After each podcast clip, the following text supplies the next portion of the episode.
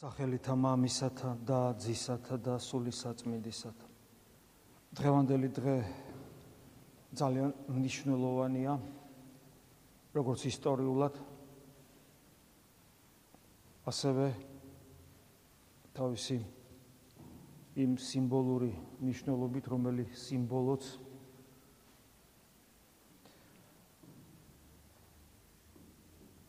არის რეალობის მომნიჭებელი. ქრისტიანული სიმბოლო არ არის უბრალოდ ყდარი ნიშანი, არამედ იგი ციცოცხლის მომნიჭებელია, მადლმოსილია.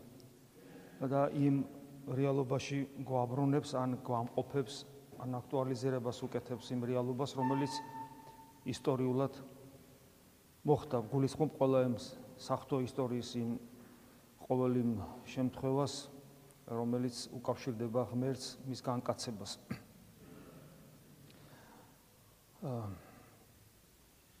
ღმერთი რომელიც წამს წამდათ. ღმერთი რომელიც წამდათ ის ღმერთი მოვიდა. მაგრამ ვერ იცნეს. მაგრამ ვინც იცნო მათ არ ქონდათ უნარი იმისა რომ რაღაცნაირი ფორმით, სახით სხვებისთვის, სხვებისთვის ეს დაედასტურებინათ. ლოგიკურად თუნდაც. სახთვის მოწყოლო მსჯელობებით. იმიტომ რომ ასე და ამგვარად ჭეშმარიტება ვერ დასტურდება. ლოგიკა მხოლოდ იქ არის გამოსადეგი, სადაც უკვე რწმენა არსებობს და ადამიანი პრინციპში თავის თავს განუმარტავს, რას წამს. მანამდე შეუძლებელი ხდება. და აი ღმერთი რომელიც წამდათ ის ღმერთი როცა მოვიდა უდიდასმა უმრავლესობამ ვერ იცნო. და მიმეორებ და ვინც იცნო ისინი ძალიან დაჩაგრულ მდგომარეობაში აღმოჩნდნენ, იმიტომ რომ ვერაფის ვერაფერს აგებინებდა. აა საიდუმლოება როგორ ხდება ღვთისცნობა? ამაზე ბევრს საუბრობთ ჩვენ და ეს ჩვენთვის ძალიან მნიშვნელოვანია, იმიტომ რომ ჩვენ კაცმარიცის ჩვენ ვიცანით თუ არ ვიცანით, იმიტომ რომ ის რომ აი ამ რელიგიურ კულტურაში ვიმყოფებით, რადგან საქართველოსში ვართ, ეს სულაც არ ნიშნავს, რომ ჩვენი წინაპრებისაგან ძღვნათ მოცემული ქრისტიანობა ჩვენი კუთვნილებაა უკვე. იმიტომ რომ ჩვენი რწმენა უნდა გამოიცადოს. რაღაც დონეზე ის რა თქმა უნდა ყოველთვის იცდება, მაგრამ ერთი გენერალური გამოსთა აუცილებლად გვექნება. ყველა ჩვენგანს აუცილებლად ექნება ეს. რომ ჩვენვე მივხვდეთ ქრისტიანები ვართ მართლა თუ არა? და აი როგორ როგორ ხდება როგორ ხდება რომ ადამიანები ხვდებიან?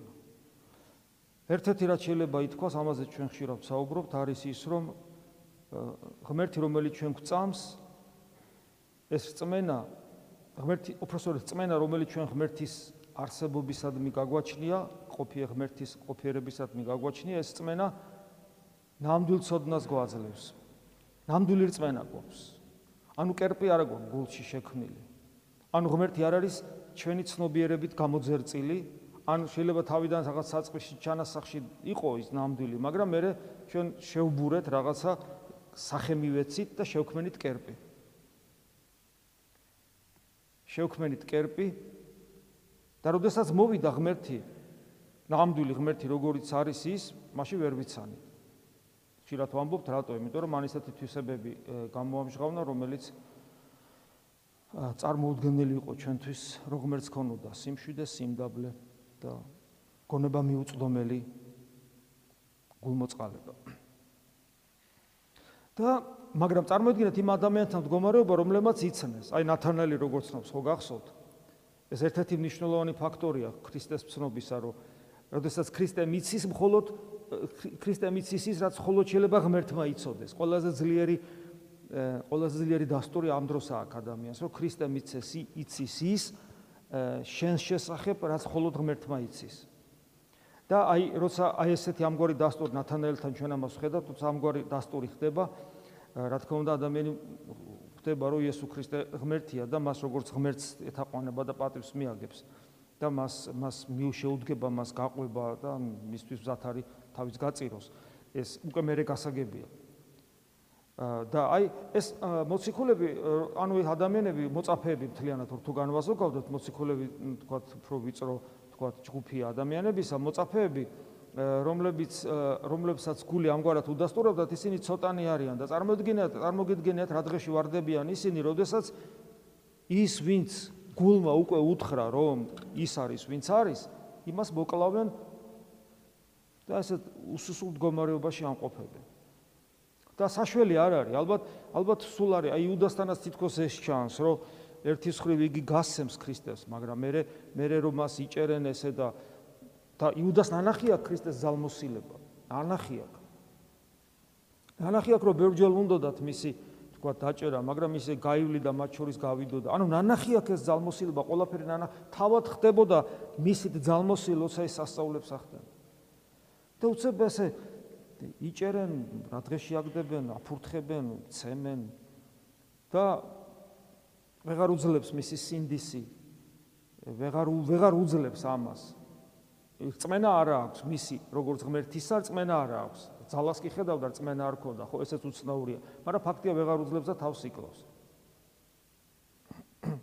და აი დანარჩენი მოწაფეები თავს არ იკლავენ მაგრამ განსასწრებს ვერ უძლებენ პეტრე ვერ უძლებს ძალიან სამარცხვინოთ და არც ხვები არიან გამორჩეული ამ ხრივ იმიტომ რომ გარბიან ერთადერთი იონე მოციქულიც გაიქცა მაგრამ მე მე და რატო გარბიან? იმიტომ რომ ეშინიათ, იმიტომ რომ დიდი საშიშროებაა, რომ ისინიც მოკლან. როგორც ამბოხის, მე ამბოხის, მე ამბოხის თანამონაწილეები. შეთქმულების თანამონაწილეები რაღაც აღარ დააბრალებენ, უკვე მთავარი იყო პილატესგან გამოითხოვეს ეს ნებართვა, რომ ქრისტე განაჩენი და სასწაულო განაჩენი გამოეტანათ ქრისტესათვის და მე უკვე მის მიმდევრებსაც პრობლემის garaშე მოახერხებდნენ. ბუნებრივია, ეს შიში არსებობს ადამიანურად, მაგრამ მაგრამ აი მათი რწმენას აემართებათ ხო წარმოგიდგენიათ. ანუ ღმერთი რომ არის, ღმერთი რომ არის. უცებ ის ღმერთი აღარ არის. ღმერთი არის და აღარ არის. ეს არის აი საშინელი გამოცდა ადამიანური სარწმუნოების. და მე მე მე მოკვდა ქრისტე, მე მე საფლავში დაიგო. და გლოდიც მიაგორეს და დამთავრდა. ხო ესე არ ხდება ამ ქვეყანაზე ესე.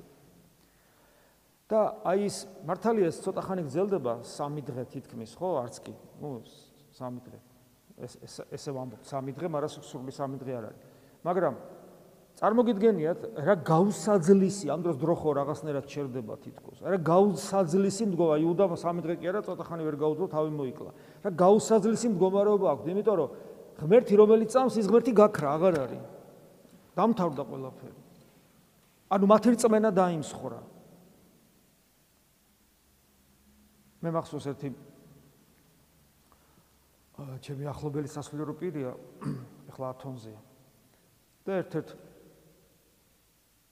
წმინდანზე წაიკითხა, მაშინ არ იყო ეს წმინდანი კანონიზირებული. ეს არის არქიმანდრიტი სოფრონ სახაროვი. მე ყოველას გირჩევთ მის თხზულებების წაკითხვას. და მაშინ არ იყო კანონიზირებული ჯერ და ნუ აღთვალებული ვიყავით ამ წმინდანეთ შეუძლებელია რომ აღთვალებული არ იყო, მაგრამ უცებ წაიკითხა რომელიღაც ერთი ღვთისმეტყველის მერე თანამედროვე ღვთისმეტყველის მე ერთი царსული კიდე царსულში ერთ-ერთი სასულიერო პირის ძალიან ცნობილი ძალიან ძალიან პოპულარული ძალიან სახელოვანი და ასევე ღვთისმეტყველის და ეპისკოპოსია ის იმის შეფასება. ძალიან ესეთი რა არაჯანსაღი ამ სოფრონ სახაროვზე და მე მახსოვს ესე იგი როგორ ყვებოდა რომ ესე იგი დაنگრეული ვიყავი იმიტომ რომ შემირწმენა იყო ის რომ აი ეს არის ჭეშმარიტება რასაც სოფრონი საუბრობს.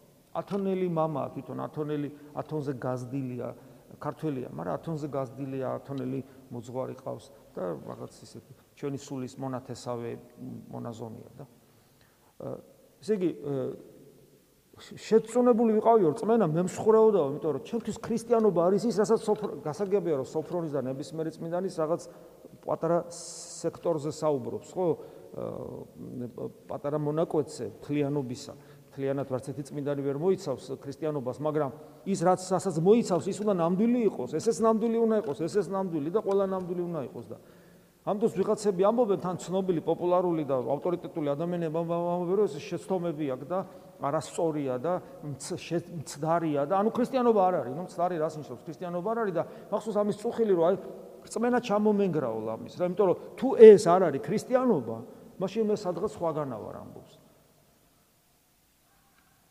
და მე გახარებულმაო აღმოვაჩინე რომ 2007 წელს ძალიან დიდი კონფერენცია იყო ათენში. ამ ათენში გარკვეული გადაწყვეტილებები მიიღეს და ერთ-ერთი უმთავრეს გადაწყვეტილებები სოფრონ სახაროვთან დაკავშირებით იყო და მაშინ არ იყო კანონიზირებული წმინდანი და ფაქტობრივად ამ დოკუმენტზე ხელი მოაწერეს არა მარტო ამ კონფერენციის დელეგატ დელეგატებმა სხვადასხვა ხრიდან ჩასულმა სასულიერო პირებმა დაახლოებით 2000 კაცი ესწრებოდა როგორც მახსოვს, არამედ ადგილობრივი ეკლესიის პატრიარქებმაც ამ დოკუმენტს ხელი მოაწერეს. ჩვენი ეკლესია ფაქტ სამწუხაროდ იქ არ ფიგურირებდა სამწუხაროდ. მაგრამ დანარჩენებად თითქმის ყველამ ხელი მოაწერეს ამ დოკუმენტს, სადაც სოფრონ სახაროვზე წერია, რომ ეს არის მე-20 საუკუნის სინათლის, ანუ ნათლის ღვთისმეტყველი. გრიგო პალამაში ადარეს.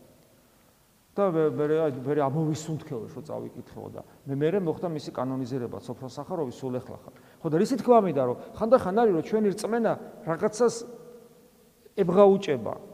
აი ბო თომასავით რა, თომასავით ხელს კიდევთ რაღაცაზე ჩვენია, ნამდვილია და უცებ გეუნებია რომ ის არ არის. და ესე იგი წმის საფუძველი ირყევა და იინგრევა. აი ესე დაემართათ მოციქულებს. კიდევ უარესად ახლა ეს რა შედარებაა. და მე საფლავში დადება და მე ეს გაუსაზლისი სამდღიანი დუმილი ღმერთის. აი ჩვენ სწორედ აი ამ პერიოდში ვიმყოფებით დღეს დიდი შაბათი ეს არის დუმილის პერიოდი. ღმერთი დუმს. ღმერთი არ ჩანს. დუმილი ღმერთის დუმილი რას ნიშნავს? რომ ღმერთს ვერსად ვერ ვერ მიაგნებ, ვერსად ვერ შეხვდები, ვერსად ვერ ნახავ. შენ გწამს, მაგრამ არ ჩანს. არ არის, თითქოს არ არის. არის, მაგრამ არ არის. ეს არის ყველაზე გაუსაზლისი მდგომარეობა მორწმუნე ადამიანისათვის, განსაკუთრებულად მაშინ, როდესაც ის ღმერთი მორწმუნე, ანუ ადამიანი ღმერთის გარეშე ვერც სუნთქავს. სათუ იდეაში ქრისტიანი ესეა. ჩვენ ვერც კი უნდა სუნთქავდეთ.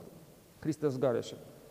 არაფერს ფასი არა. ჩვენ წეს იდეაში ესია. ჩვენ მისით სუნთქავთ და მისით ცოცხლობთ და მისით გვიცემს გული ღმერთით. ოღონ ადამიანი ამას ვერ გძნობს, იმიტომ რომ როგორც ცხოველი ვერ გძნობს. ეხლა ცხოველს რო კითხო, აბა რისით რისით ვისით სუნთქავ და ვისით გიძგერს გული ცხოველმა რა იცის? აი როცა ადამიანი პირუტყობაში რეალიზდება. აი ლუარსაბ თათქარიძე, ნუ ვერ იგზნობს, გამორიცხულია, იმიტომ რომ მას სხვა ინტერესები აქვს და რამდენადაც ჩვენში ეს ლუარსაბი ცოცხალია, იმდენად ჩვენთვის შეუძლებელი ხდება იმის აღქმა და განცდა, რომ ღმერთით გვიძგერს გული და ღმერთით სუნთქავ. ხოლო თუ დემონური მდგომარეობა აქვს ადამიანს სიამაყიდან გამომდინარე. მას ზულს ის არა ის იმან შეიძლება არც კი თქვას რომ ღმერთი არ არის. ზოგ შემთხვევაში ის შეიძლება თქვას, მაგრამ ყოველ შემთხვევაში ასეთ დროს ადამიანი მთელი სისასტიკით ებრძვის. ქრისტეს ყოველ შემთხვევაში ებრძვის. თავისი ღმერთი შეიძლება კონდეს რაღაც, არ ვიცი. და აი მორწმუნე ადამიანს აქვს მუდმივი მონატრება, მუდმივი სურვილი ღმერთთან ყოფობისა. მასთან ყოფნის სიხარული, ის ვერ სუნდა, ვერ უნდა სუნთქავდეს მის გარეშე და ჩვენ რო წმინდათა ცხოვრებას ვკითხულობ, ასეთ ასეთ რამეს ხშირად ვაწყდები. სილანათონელთან ეს გენიალურად არის გადმოცემული, მუდამ როგორ განიცდის, როცა ღმერთს ვერ გძნობს და ვერ განიცდის. აქ აქ არის ამ შემთხვევაში სრული მდუმარება, სრული მდუმარება ღმერთის. და ეს იმიტომ არის მნიშვნელოვანი, რომ ჩვენ ცხოვრებაში ძალიან ხშირად არის ასე და ამგვარად. ჩვენი რწმენა ხშირად გამოიცდება იმის გამო, რომ ღმერთი დუმს ჩვენ ცხოვრებაში. ყველაზე მწვავედ ეს იგზნობა მაშინ, როდესაც აა განსასწრებელი არის აღტყარი, აღტყდარი ჩვენს წინააღმდეგ განსაკუთრებულად ეს აუტანელია, როცა ადგილი აქვს უსამართლობას, ცილის წამებას, მიზან მიმართულს, დემონურს. ოდესაც ვერასოდეს ვერაფერს ვერ დამტკიცებ. და მის სურვილიც და შესაძლებლობაც არ არის და კიდევ მემეორებ უსამართლობას. უსამართლობას შენს მიმართ, შენი მოყვასის მიმართ საერთოდ. ზოგადად უსამართლობას რო ხედავ, აი სამყაროში ხედავ უსამართლობას და ვერაფერს ვერ შველი ამას. და აი ყველაზე მტკივნეული ამ დროს არის ზუსტად იმიტომ რომ ღმერთი შენთვის არის არა მარტო ყოვლის შემძლე, არამედ ყოვლად სამართლიანი და შენ თვალწი ხდება უსამართლობა. რომელსაც ვერაფერს ვერ შველი და ღმერთი დუმს განსაკუთრებულად აი როდესაც არ მინდა დავა კონკრეტო თუმცა კარგი მაგალითი იყო, როდესაც ოჯახში რაღაცა მძიმე ხდება. ისეთი მძიმე, რომ სიკვდილზე ბევრჯერ უარესი. სიკვდილის გავსი კი არა, სიკვდილზე ბევრჯერ უარესი რო ხდება. და რო არ სკუდები, რო რო აღარ ცოცხალი აღარ გეთქმის, თითქოს გწამს და ღმერთიც არ არის. არ არის და მორჩა დუმს. აი ეს დღევანდელი დღე არის ეს დღე. ეს არის უმძიმესი გამოს იყო უმძიმესი გამოსთა მოციქულებისათვის და ამგვარი დღეები უმძიმესი გამოსთა ჩვენი რწმენისათვის. და ეს დღე იმიტომ არის განსაკუთრებულად აღნიშნული, რომ ჩვენ უნდა გვახსოვდეს, რომ პერიოდულად ჩვენი რწმენა ამგვარად უნდა გამოიცადოს. ამგვარად უნდა გამოიცადოს. ღვთის განგება უცნაურია. ჩვენ შეიძლება ბევრ ამას ვერ მივხვდეთ, ღმერთი სატო ჭირდება ჩვენთვის ამგვარი გამოსების ჩატარება. იმიტომ რომ ჩვენ საკუთარ თავსაც არ ვიცნობთ. ჩვენ არ ვიცნობთ ჩვენ შესაძლებლობებს, არა მარტო დადებიც, არამედ უარყოფითსაც. ჩვენ ვერც არც ის ვიცით რა ღირსება გვაქვს. არსობრივად ახლა არაფერი ვართ ადამიანი შექმნილია, ხო? მაგრამ აი პოტენციაში ღმერთისაგან, რასაც ღმერთის შვილობა ქვია, ჩვენ არ ვიცით ეს რა ღირსება და ამიტომაც სულ მუდამ ვითხოვთ მცირეოდენს. ჩვენში მაგალითად ლოცვაში დომინანტი არ არის დიდება ღმერთისა. არამედ დომინანტი ჩვენ ლოცვებში არის სათხოვარი. და დომინანტი დიდება რატომ არ არის იცით? იმიტომ რომ ჩვენ ვერ ხვდებით ჩვენს ღირსებას, ღირსებას ვერ ხვდებით, ღმერთის შვილობა, ჩვენს ღმერთობას ვერ ხვდებით. და ჩვენ რო ჩვენ ღმერთობას ვაცნობიერებდეთ, ესე იგი ღვთის დიდება ჩვენი გულიდან და ბაგებიდან მოუკლებლად იქნება, ეს იმხელა რაღაცაა. და ამავე დროს ჩვენ ვერ გძნობთ ჩვენს დაცემულობასა, ჩვენ ჯოჯოხეთსაც ვერ გძნობთ. ანუ ჩვენ საკუთარ თავს არ ვიცნობთ. არ ვიცნობთ საკუთარ ჩვენ უსასრულო განვითარების დიაპაზონი დიაპაზონი გვაქვს. და არ ვიცნობთ ჩვენ რაღაცა ჩვენი მდგომარეობის რაღაც პატარა ნაწილს ვიცნობთ შესაბამისად არ ვიცნობთ რა საკუთარ თავს. ჩვენ არ ვიცით რა არის ჩვენთვის საჭირო და სასარგებლო. ამიტომაც ვეუბნებით იყავნება შენი. იყავნება შენ, იმიტომ რომ ჩემინებით რომ მოქმედებთ, ناقოფები კი გვინახავს საკუთარი ნებით მოქმედებისა. ცხოვრება კიდე გადის. და სწრაფად გადის. ამიტომ ჩვენ თავს არ ვიცნობთ. ამიტომ ღმერთისაგან ჩვენს მიმართ ჩატარებული ეს სხვადასხვა ოპერაციები, მათ შორის ძალიან მტკივნეულიც. რამდენად არის და მნიშვნელოვანი ჩვენ თუ ჩვენ ამას ბოლომდე ვერ ხვდები. აი იობის მაგალითზე გესაუბრეთ ამასინათ, იობთან დაკავშირებით ხო აშკარა უსამართლობა ხდება. და ამით ღმერთი ეშმაკს უმტკიცებს, რომ იობი იმიტომ კი არ არის ღვთის მოყარე, რომ მას სიკეთე აქვს. ანუ ანგარებით და ანუ თავისუფალი არ არის. უბრალოდ სიკეთე აქვს ღვთისგან, ღმერთი უყარს, არ ექნება სიკეთე, არ ეყარება. ანუ ეს არის თავისუფლება აქ აღარ არის, ხო თავისუფალი არჩევანი აღარ არის. აქ ანგარება. არამედ ღმერთი ეუბნება ეშმაკს იობზე რომ იობი თავისუფალია თავის გადაწყვეტილებაში, თავის არჩევანში, მას ღმერთი მართლა უყვარს. და დაამტკიცა იობმა ეს. და ეშმაკი დამარცხდა. ხო, მაგრამ ეს ეს გარიგება რამ წარედ დაუჯდა იობს, ხო? მაგრამ აქ არის ერთი საოცარი ნიუანსი, რომელიც ამ წიგნში წერია, რომ ამ წიგნში რა იკვეთება, რომ იობი იყო მსმენელი ღმერთისა, მას ღმერთის ესმოდა. გასაგებია, ხო, რა სხვა სხვა სმენაზია გულში ხდება რა. და აი ამ განსასწრების მერე წერია რომ ის გახდა მხედველი ღმერთის ანუ ხარისხობრივად და რაოდენობრივად და თვისობრივად სულ სხვა საფეხურზე ავიდა ჯერ კიდევ ხორჩი მყოფიობი ანუ სულიერად ძალიან გაიზარდა ძალიან გაიზარდა შეიძლება სწორად ამიტომაც ხდებოდა მთავარი მიზეზი ეს იყო დანარჩენი ყველაფერი მეორე ხარისხოვანი იყო. ანუ უფალს უნდა რომ ჩვენ გავიზარდოთ გავიზარდოთ და გავიზარდოთ. უხარის უფალს ჩვენი წარმატება ჩვენი ღმერთობა უხარია უფალს, ჩვენი ღმერთობა უნდა უფალს. ამიტომ ისტორიულად მომხდარი დიდი შაბათი პერიოდულად ჩვენ ცხოვრებაში აუცილებლად მეორდება. და აა ეკლესია ასევე ეკლესია განიცდის როგორც ქრისტეს სხეული ამ დიდ შაბათობას პერიოდულად მაგალითად 100 წლის წინ საქართველოსში ეკლესიისათვის იყო დიდი შაბათი დიდი პარასკევის და დიდი შაბათის. ანუ საშნელი დევნა თითქმის 70 წლიანი ბოლოს რა თქმა უნდა ცოტა მოსუსტა, მაგრამ რამდენიმე ათეული წელი საშინელი დევნა, როდესაც არცაც ხსნა, არცაც საშველი, უბრალოდ მოდიოდნენ და ხოცავდნენ. აი ისე. იმიტომ რომ ქრისტიანი იყავი, სასულიერო პირი იყავი და გამყიდველი არ იყავი ქრისტესი და ამიტომ და არანაირი საშველი არ არსებობდა. არანაირი. და მათ შორის ამ დროს როგორ ხდება ხოლმე? აი შეიძლება თქვათ, რომ ეკლესიამ განიცადა დევნა, იმიტომ რომ ეკლესიის წევრები, ანუ ღუდლები, ცუდად ვიქცეოდით, ძალიან ცუდად ვიქცეოდით და აი ეს მარი მარილის თვისება რო დაეკარგება მარის და ფეხების დასადგმულად რო გამოდგება როგორც ქრისტიანობს, შეიძლება ამათ ვიქეცით და ამიტომაც ეს დევნა როგორც განწმენდელი ცეცხლი ისე მოვიდა ეკლესიაზე. პრინციპში ესეც იყო გლობალურად თუ შევხედავთ, და მაშინ საქართველოს ეკლესია რუსეთის ეკლესიის ნაწილი იყო, კატასტროფული სიტუაცია იყო რუსეთის ეკლესიაში, მათ შორის ნეობრივი თვალსაზრისით, საღვთისმეტყველო თვალსაზრისით, ძალიან ბევრი თვალსაზრისით რუსეთის ეკლესია იყო ძალიან ცუდ მდგომარეობაში. თუმცა ის წმინდანებს შობდა, მაგრამ მასიურად გლობალურად იყო ძალიან ძიმე მდგომარეობა. მაგრამ ეს გამწვენდელი ცეცხლილო მოდის უცნაური ხდება ღირსეულებს არჩევს პირველ რიგში. პირველ რიგში კარგ სასულიერო პირებს ხრეტავენ და ხოცავენ. როგორც გამორჩეულებს. აი ეს დემონი ძალას რომ მიიღებს. თუმცა ქრისტიანობა მოწამეთა სისხლზე იზრდება და გადარჩება. შეიძლება მე ამანას გადაარჩინა და ვერ განადგურდა ეკლესია. თუმცა გეგმაში იყო. გეგმაში იყო მე სტალინის მერე ხრუშოვს ქონდა კიდე გეგმაში ომის მერე ხო ცოტა შესუსტა დევნა, მაგრამ მერე ხურშოვს ქონდა გეგმაში სრული მოსპობა ეკლესიის, მაგრამ აი აი გადავრჩით რა უცნაური იყო თორე ყველაფერი მათ ხელში იყო რა არ შეიძლება შეეძლოთ თავის დავაცხადე.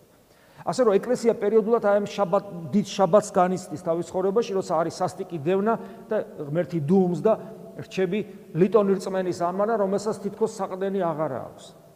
ეს არის აი ძალიან დიდი გმირობა ამ დროს ეკლესიისათვის და ზოგადად ადამიანები სასულიერო პირები უბრალოდ ერის ადამიანები ძალიან დიდ გმირობას ჩადიან ძალიან დიდ გმირობას.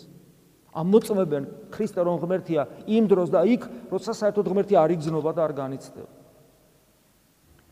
უბრალოდ ჩვენთვის ნუგეში არის ის რომ ქრისტემ რომელმაც ყველაფერი ჩვენთვის გაიარა ჩვენთვის მოვიდა ადამიანად ჩვენთვის შიოდა ჩვენთვის წყუროდა ჩვენთვის მოკვდა ჩვენთვისვე განიცადა ჩვენთვისვე განიცადა აი ეს ღმერთისაგან მიტოვებულობა, ყველა მიცით ეს სიტყვები ჯვარზე, ღმერთო ჩემო, ღმერთო ჩემო, რა ისათვის დამიტევე მე.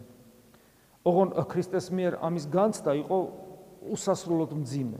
აი წარმოიდგინეთ ჩვენ განვიცდით ჩვენს პირად უღმერთობას, აა როცა ჩვენ ჩვენ ჩვენს ჩვენ ჩვენთვის ღმერთი დუმს, უკეთეს უკიდურეს შემთხვევაში ჩვენ შეიძლება უკეთეს შემთხვევაში ჩვენ შეიძლება განვიცადოთ ჩვენი ახლობლის, ჩვენი სამშობლოს რაღაცა რაღაც, მაგრამ მაინც მცირე მასშტაბით განვიცადოთ უღმერთობა და ძალიან გვეტკინოს.